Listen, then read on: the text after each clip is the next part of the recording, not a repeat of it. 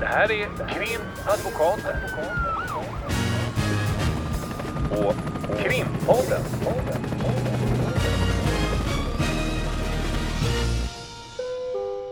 Parter och ombud kallas till sal 32.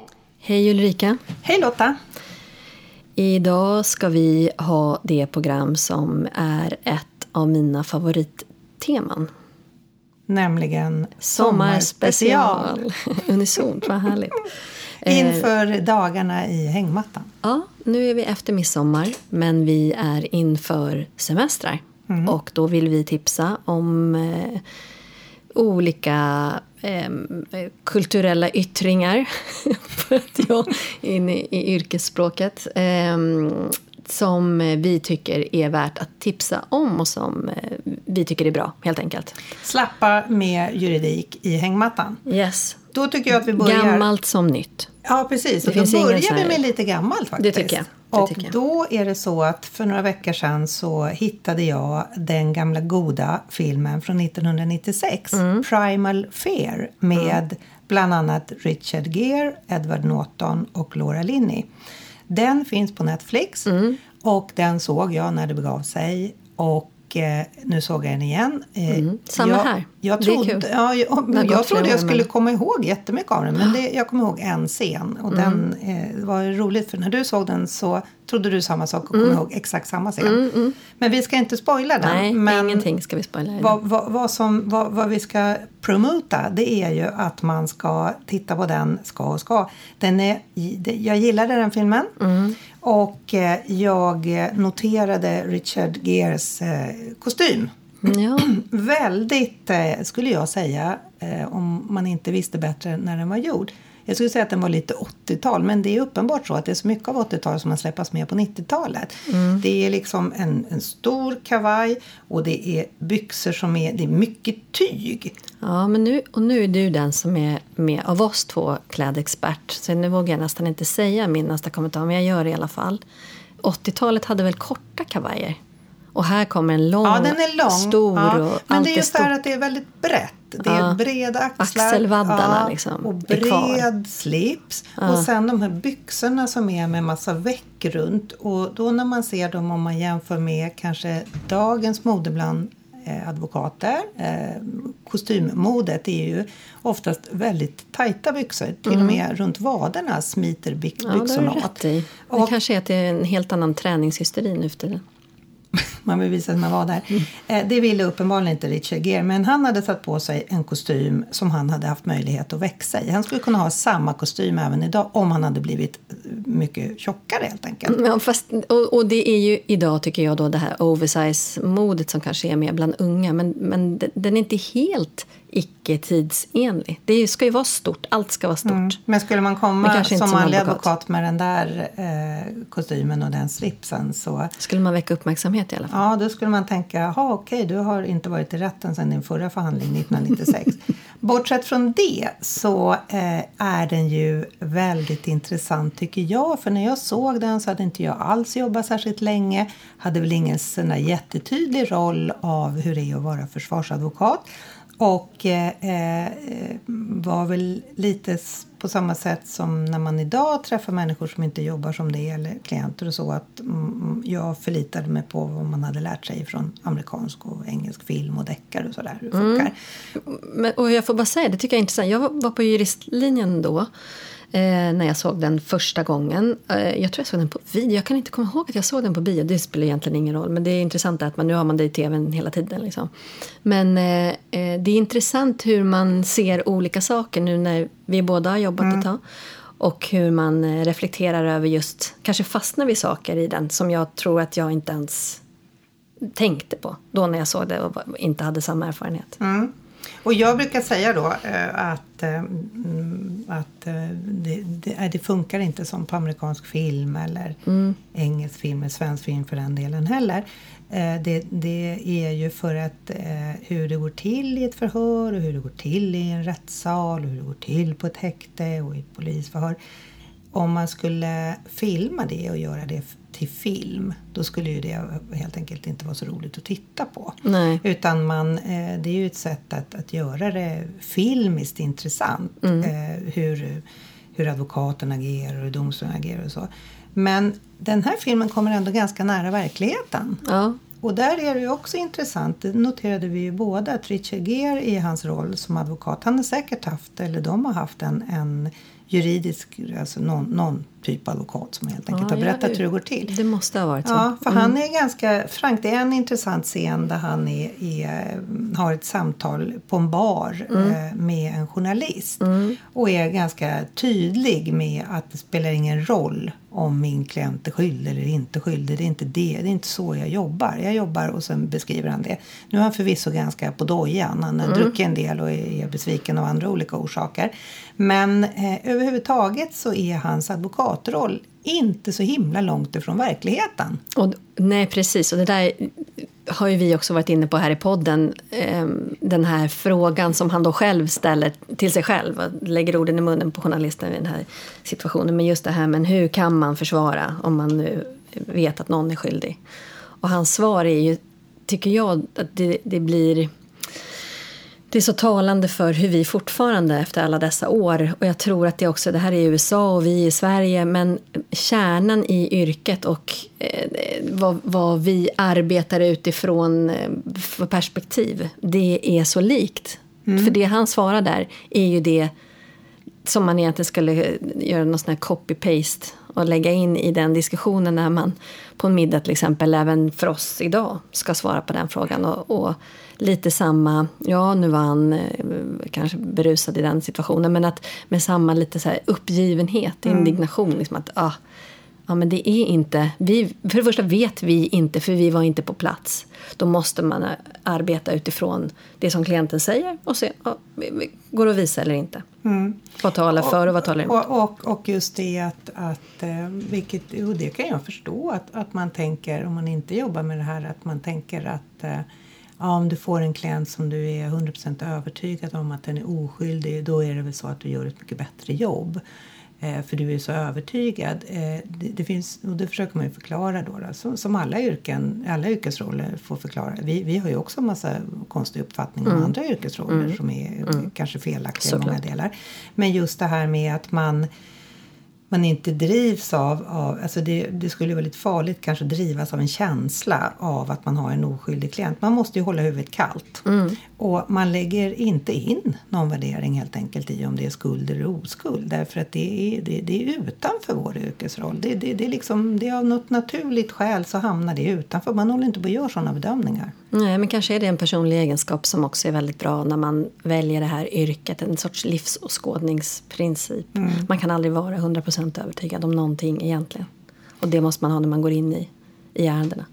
Så den filmen, då, då, för, då, då på den tiden ansågs den nog vara ganska lång. Den är väl drygt två timmar. Mm. nu för tiden är ju inte det kanske så långt. Men, men en, en, det är en bra film jättebra skådisar. Edward Norton är ju väldigt ung här. Han har ju gjort väldigt, väldigt många filmer efter det. Det har ju de andra också gjort. Mm. Men han var väl inte så känd då. Mm. Han är ju fantastiskt duktig. Man, ja, den är verkligen, det är en sevärd film. Och som sagt, eh, man kan notera eh, klädvalen utöver det. Tips, tips, tips. Tips. Vi har ett boktips. Ja, från mig. Eh, det är en kollega till oss, Sargon de Basso, som har skrivit en bok som heter Till mitt försvar. Mm. Eller den är berättad för en författare som heter Peter Johansson men eh, baserad då helt på eh, Sargons upplevelser relativt självbiografisk utifrån både uppväxt ehm, och ehm, juristlinjen med inte toppbetyg som kan vara skönt att höra för de lyssnare som kanske är på juristlinjen och kämpar med sina betyg. Ehm, och hans väg då från eh, advokatbyrå till att bli advokat, bitis på, eh, biträdande jurist på advokatbyrå till att bli advokat till att öppna egen byrå och idag väl vara en, det måste man väl ändå säga, en ganska profilerad försvarsadvokat. Mm. Uttalar sig mycket i, i olika principfrågor och rättssäkerhetsfrågor och eh, eh, ja, både medialt också aktiv. Nu Eh, har det är du läst bok. Mm. den, jag har inte läst den. Så då vill jag veta, eh, eh, du, den är bra, har du berättat. Och Mm, du har den är refererat. läsvärd. Ja. Ja. Och då är det, då, vad, vad är det om, om man inte överhuvudtaget, om man inte har lyssnat på våran podd och inte har en aning om vad en försvarare gör. Mm. Vad, vad kan man få sig till livs då utifrån hans bok? Får man, får man någon sorts inblick i hur det är i verkligheten, hur det är på polisförhör, i domstolar, i relationen till de andra Mm. aktörerna och så. Exakt. Och på ett bra sätt, på ett eh, väl avvägt sätt eh, och ett ärligt sätt. Jag tycker han också är modig till vissa delar. Han visar på en osäkerhet och, och um, vad ska man säga, ett, ett mänskligt perspektiv på vår yrkesroll.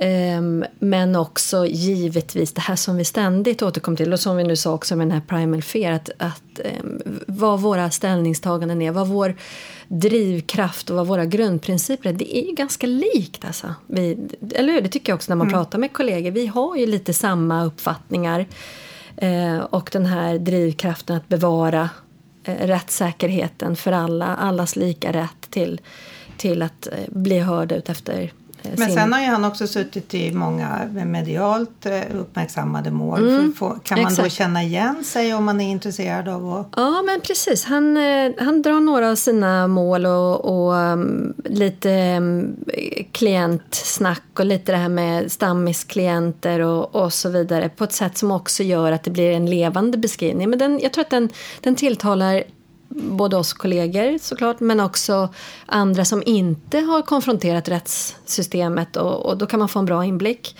Men också eh, de tror jag som eh, studerar och som vill bli advokater så att man dels får en rättvis blick av vad innebär det faktiskt, vad innebär att, att jobba som vi gör på byrå och inte domstol och så vidare, det här med att det också är ett företagande, eh, vad det betyder. Ehm, och ehm, egenskaper som är viktiga. Och jag tycker att det, det är en eh, absolut läsvärd bok. Toppen! Eh, då har jag förstått att den kan man både läsa och, läsa och lyssna på. Ja, jag lyssnade på den. Den finns också i fast bok såklart. Tips. Eh, tips och sen har vi eh, det som jag gärna vill tipsa om. Eh, och det är den nya SVT-dokumentärserien om Knutby, Philadelphia, församlingen som ligger i, ja det är väl Uppland då, tror jag. Uppåt Uppsala där. Eh, den eh, är väl, vad som hände där 2004 är väl ganska välkänt. Det vill säga eh, de här, det här mordet och mordförsöken. Och den här barnflickan och den här pingstpastorn och de här smsen. Det var ju väldigt, väldigt länge sedan, det är 2004. Och du vet ju att jag inte är så superintresserad av, vad sa du, någon kriminalteknisk, vad sa du, någon tidning? Nej, Du är inte direkt en hårdare av nord, nordisk kriminalkrönika. Nej, just det. Precis. Jag, jag, eh, har, jag, jag, jag har nog bara ett fall som Ja. jag återkommer till ständigt och det är händelserna i Knutby. Eh, och det är också så att eh, det, juridiskt sett så jag brukar använda det när jag undervisar studenter därför att det, det finns ganska många juridiska delar man kan titta på. Skillnaden på anstiftan och medhjälp och och vad är det för skillnad på stämplingsbrott och någon utför någonting och varför blir den ena dömd för anstiftan och den andra blir dömd för, för mord och, och den ena blir dömd till rättspsykiatrisk vård och den andra blir dömd till livstid. Det finns en massa intressanta eh, även som man kan använda sig av i undervisning. Men jag har ju en, en väldig fäbless för, för det målet.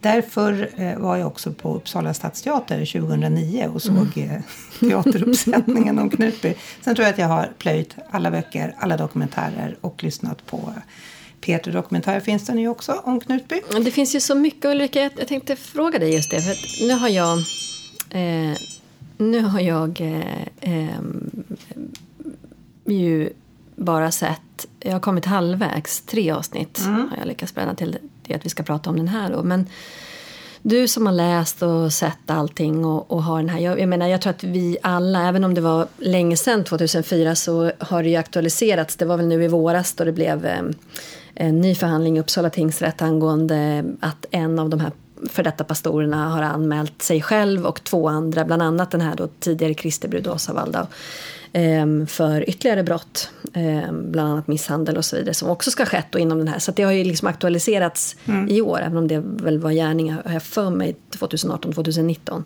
Men Ja, lite tidigare till och med. Ja, det spelar Ja, det spelar ingen roll. Men, eh, ehm, så jag, jag tror, då är, det är ju så tacksamt, precis som du säger, det är ett skolexempel, men det är tacksamma ingredienser, så att det, det dras ju upp i pressen regelbundet. Men tillförs det något nytt i Ja, den här dokumentären? Jag kan säga så här att eh, n- eh, när jag har ägnat mig åt Knutby under många år så har det ju handlat om, om just de här morden och mordförsöken som skedde då med, med hjälp av den här pastorn och den här barnflickan. Och sen har jag varit ganska ointresserad av vad som har hänt efter. Eh, men eh, nu är det så att det här är ju sex avsnitt och de är förhållandevis korta, de är mellan en 30 och 40 minuter. Och de första tre avsnitten, två, tre avsnitten handlar om dåtiden. Och sen handlar eh, ett avsnitt om att växa upp där och vara alltså barn i, i den här eh, sekten. Det är Och intressant. Sen, ja, det... vet jag inte om det har skildrats förut. Nej, det är flera barn som inte har, de är vuxna nu, unga vuxna, de som inte uh, överhuvudtaget har uttalat sig i media tidigare.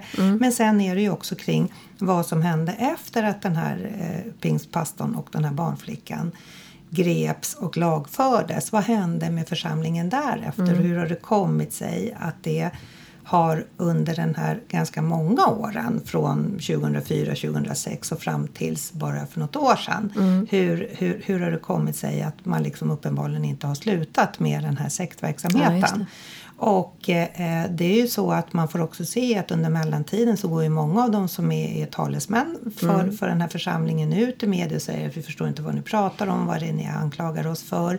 De här två, lite som att det var deras fel, nu är de borta, nu är det inget konstigt med det här. Nu går de ut och säger att det där var ju fullständigt eh, lögn. Mm. Det, var, det är det här som har hänt. Mm. Och eh, det gör för min del att mitt intresse som bara har gällt om den tidigare delen mm. i den här församlingen nu även då har jag har fått liksom knyta ihop påsen så, så för att kunna förstå hela omfattningen av vad som har hänt. Och eh, det är Anna Lindman som har gjort den här serien. Hon, eh, den, det visar sig att jag, när jag sökte efter den, hittade den inte rakt av på SVT Play konstigt nog för den var helt sprillans ny. Mm. Eh, då visar det sig att det är inom ramen för Uppdrag granskning. Ja, Men det är ju så. inte, om man säger så här, det är inte traditionellt Uppdrag granskning, Uppdrag granskning, mm. granskning. Mm. Utan det är hon som har gjort den här. Och hon har tidigare gjort många serier som har handlat om olika religiösa allt ifrån spå kvinnor ja, och, och, en, och så, liksom, ja, en massa ja. olika religiösa fundamentalistiska rörelser. Mm. Det, det verkar vara hennes, mm. det hon jobbar med. Och nu har det här blivit då inom ramen för Uppdrag granskning. Men eh, så det, det, den bygger i stort sett på mediaklipp, tidningsklipp och sen bygger den på lite gamla intervjuer får man se. Men också att, att många av, av de som har varit medlemmar, de som har tillhört den innersta kretsen, de sitter ju och talar framför kameran och blir intervjuade av henne. Mm. Och jag tycker att eh, det, är, är, det, det, är intressant. Är, är, man intresserad av hur det kan ha blivit så här? Hur, mm. hur kan det bli? Hur kan det från en inom citattecken vanlig församling med ett religiöst fokus. Hur kan det komma sig att det slutar med ond bråd död och det fortsätter med misshandel och, och kränkningar mm. och i Guds namn och allt det här. Det är helt enkelt eh, lite... Alltid spännande med ja, det, det, det de mekanismerna. Men mm. konfronteras de här personerna då med att de tidigare har suttit och sagt att ja, men nu är de här borta? Och, alltså konfronteras ja, det, blir de med ingen, det blir ju inte någon riktig konfrontation på det viset att alla de som medverkar, mm. alla medverkar ju inte, men alla de som medverkar eh, har ju så som, så som jag i alla fall uppfattar det tagit avstånd ifrån det här. Mm. Och jag uppfattar det nog som att man gjort det på ett ganska ärligt sätt därför att de får beskriva det, de beskriver synen på sig själva där och då mm.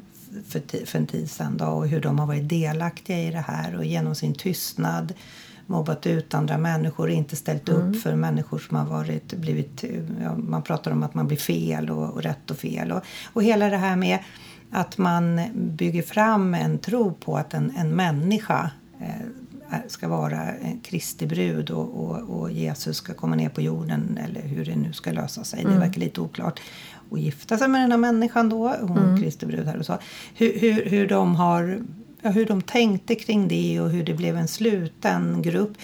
Eh, Det slog mig också när jag såg den här att eh, det, det skulle ju kunna vara lika väl. eh, Vi har ju de här gamla maoiströrelsen i Sverige där man eh, levde i små celler. Eh, Och det var ju inte alla som omfattades av maoismen under eh, 60 och 70-talet. Men det fanns en, en som heter Rebellrörelsen. Det finns också på SVT, förlåt, det finns på eh, Peter Dokumentär finns böcker också om rebellrörelsen men där är det Mao då och här har vi eh, Jesus.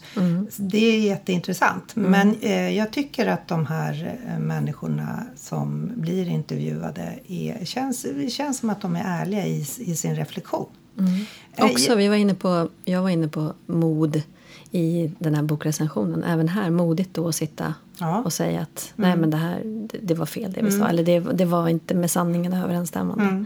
Det är modigt att gå ut också med, med ansikten som jag har Ja, sett alla här. gör inte det, men, men många gör det. Och det kan man ju också förstå om man inte vill det. Man vill inte Nej, såklart. eh, Bli, bli, ja, man, man blir ju en väl, det, det, det har ju satt eh, spår kan man säga. Såklart. Det, jag har ju själv då eh, varit i Knutby och eh, varit där och köpt en souvenir. Mm. Inte en Knutby-souvenir utan en en eh, burk salt ifrån deras ICA. Så långt går mitt intresse.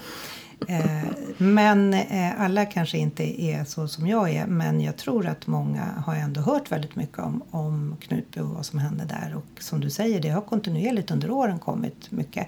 Men det här knyter ihop hela problematiken med att det utvecklas till en sekt. Ja, men och sen tror jag det var så många, den här barnflickan som ju på alla bilder och allt som man fick höra när det var aktuellt och fortfarande då när de drar upp det som så oskyldig, glad. Jag vet att hon beskrivs också, jag tror, men hon var som en solstråle. Och då var hon då mördare i, i den här utredningen. Såklart så, så väcker det nyfikenhet och intresse och kanske också bestörtning hos många. Jag vet inte om det kanske... det är oh, inte- förlåt. Ja, nej, men att det inte är den, den typiska bilden av Nej, precis. när, Nej. Det, när det var så... ehm, Ja, Att skjuta någon och, och tidigare Exakt. också i ett mordförsök på samma person. Försöka hamra ihjäl människan med en hammare. Mm. Och sen också skjuta en ytterligare person som inte avled. Då. Eh, men då under inflytande av den här pastorn då, eh, som, som nu eh, avtjänar livstid. Han har fått tidsbestämt nu såg jag i tidningen. Mm. Eh, hon, eh, har ju ingen, hon blev ju dömd till rättspsykiatrisk vård. Jag kan säga att jag som advokat har ju, har ju också förvånats och reflekterat över det där ärendet över tid. Att han då som dömdes som anstiftare eh, till eh, de här brotten dömdes till livstidsfängelse och hon dömdes till rättspsykiatrisk vård. Och när jag har pratat med psykiatriker om det så är, det ju flera som också har uttryckt eh, sin sina funderingar över att hon, så som de har sagt, har fått en, en lite egen, hon har fått en egen diagnos har jag hört. Eh, eh, någonting som är bland annat hänför sig till religiösa vanföreställningar. Eh, och hon då eh, har, har- är fri om man säger. Hon har ingen rättspsykiatrisk vård längre och han sitter fortfarande och avtjänar.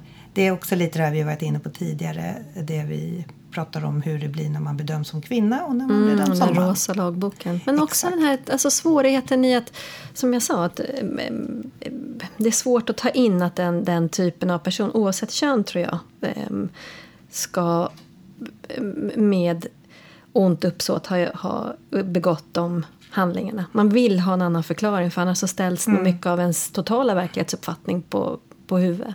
Och det, det är tungt tror jag som människa. Det är Eh, intressant. Det är det. Och den, det säger jag tips, tips, tips, Mm. tips. Och jag kan säga att det finns sjukt många tips. Jag skulle kunna sitta och prata om allt som finns gällande detta Knutby i timmar. Men eh, Och vi går... överhuvudtaget sekter ju. Det finns ju också Ja. en dokumentär på Netflix tror jag, kring den här Wacko-sekten Mm, som ju också är, är intressant. Där kanske vi kommer ifrån de juridiska aspekterna. Eh, Charles Manson-sekten. Mm. Det, alltså det är ju intressant som mänsklig företeelse. Eh, Min fascination av såna där var den här Halebop-sekten. Kommer du ihåg Ja, den? som var, mm, Ja. Mm, Den här Apple White där alla tog livet av sig till slut. Det finns ju en hel radda såna. Det, det är alltid fascinerande Men om man nu är människor kan- intresserad av det, då, då tycker jag att man startar med Knutby. Ja, kanske Ja, det. det är tips. Ja, Okej, jag, jag, jag Du håller får med vika dig dig där. där. Jag viker mig. Ja. Eh, vi- vi, innan vi avslutar så har vi ju lite mer. Vi har ju faktiskt ett, eh, ett boktips ifrån dig. En, en bok som kanske låter lite knastertorr. Knastertorr. Och just att vi jobbar med det vi gör. Den, den heter eh, Onaturlig död. Är skriven av Richard Shepard. Eh, och eh, är också, alltså, till min förvåning, jag eh, eh, eh, började läsa den för att jag eh, hade hört att den ska vara bra utifrån att man ska få en grundläggande förståelse om rättsmedicinska ställningstaganden. Och, Är han och, rättsmedicinare? Han är rättsmedicinare i Storbritannien. Ehm, och boken tar avstamp, eller inleds... De, eh, första delen av boken är hans uppväxt och så vidare. Det är något förvånande, men ändå på ett, på ett eh, bra sätt. Eh, och sen är det då olika fall. Eh, även där. Det, det verkar som att jag bara läser sån litteratur. Men eh, utifrån då en, en, eh, en rättsläkare helt enkelt. Ehm, och han anses väl vara en av de fram, mest framstående och erfarna nu. Och eh, den belyser... Eh, han redogör ju då utifrån sin yrkesroll väldigt eh, rakt och direkt om eh, obduktioner och, och olika typer av sår och, och skador, eh, dödsfall. Kan man lära sig någonting av Ja, det? jag tycker faktiskt det. Jag menar, då måste man väl ändå säga att vi kanske har en ganska stor inblick i mycket av det som vi läser mycket av de här intygen och, och lyssnar på rättsläkare i rättegång och så vidare och så vidare. Mer eller mindre i alla fall. Men jag, jag tycker ändå, eh, därför att han är en typisk vetenskapsman och i det också lägger fram andra när man har gjort den här second opinion och hur osäkert vissa till exempel blåmärkesbestämningar och sådär. Men du hör ju, det är lite nördigt även här liksom. Men jag, jag tror faktiskt med reservation för att, att jag är förblindad när man inte alls är inne i vår värld. Men jag tror att den kan ge tillföra någonting till även vanlisar, vanliga människor utanför Så- rätt, så- rättsväsendet. Så om man ligger i hängmattan och känner att man vill få reda på eh, osäkerheten i hur gammalt ett blåmärke är. Ja, och några andra skador och också hur, vilka, hur osäkert det kan vara i vissa fall och, och så vidare. Alltså kunskap är ju ändå alltid bra. Och, och många väljer ju, vad jag förstår, läsa deckare och annat i hängmattan på semestern. Och då kanske det är bra att ha en eh, eh lite mer grundad bild av eh, de här eh, skadebild och kan man verkligen dö av det och varför dör man av det och, och hur ser man att man har dött av det och så vidare. Ja, den är, den är, jag tycker den är läsvärd. Tips. Tips. Men då tänkte jag att vi avslutar med att säga att vi då har eh, tipsat om Till mitt försvar av Sargon de Basso. Vi har tipsat om Primal Fear, eh, långfilmen med bland annat Richard Gere som finns på Netflix. Och sen har vi tipsat om eh, Onaturlig död, Richard Shepard. och slutligen då Knutby dokumentär sex avsnitt som finns på SVT Play. Ja, Så återkommer jag med det här två veckors långa avsnittet om allt annat kring Knutby efter semestern. Knutby special. Varför inte? Precis, tre Ja. timmar. Ja, det, det kanske vi ska köra. Cliffhanger. Händer Ja. det till hösten? Men annars så får vi önska en glad sommar. Ja, hej då. Hej, hej!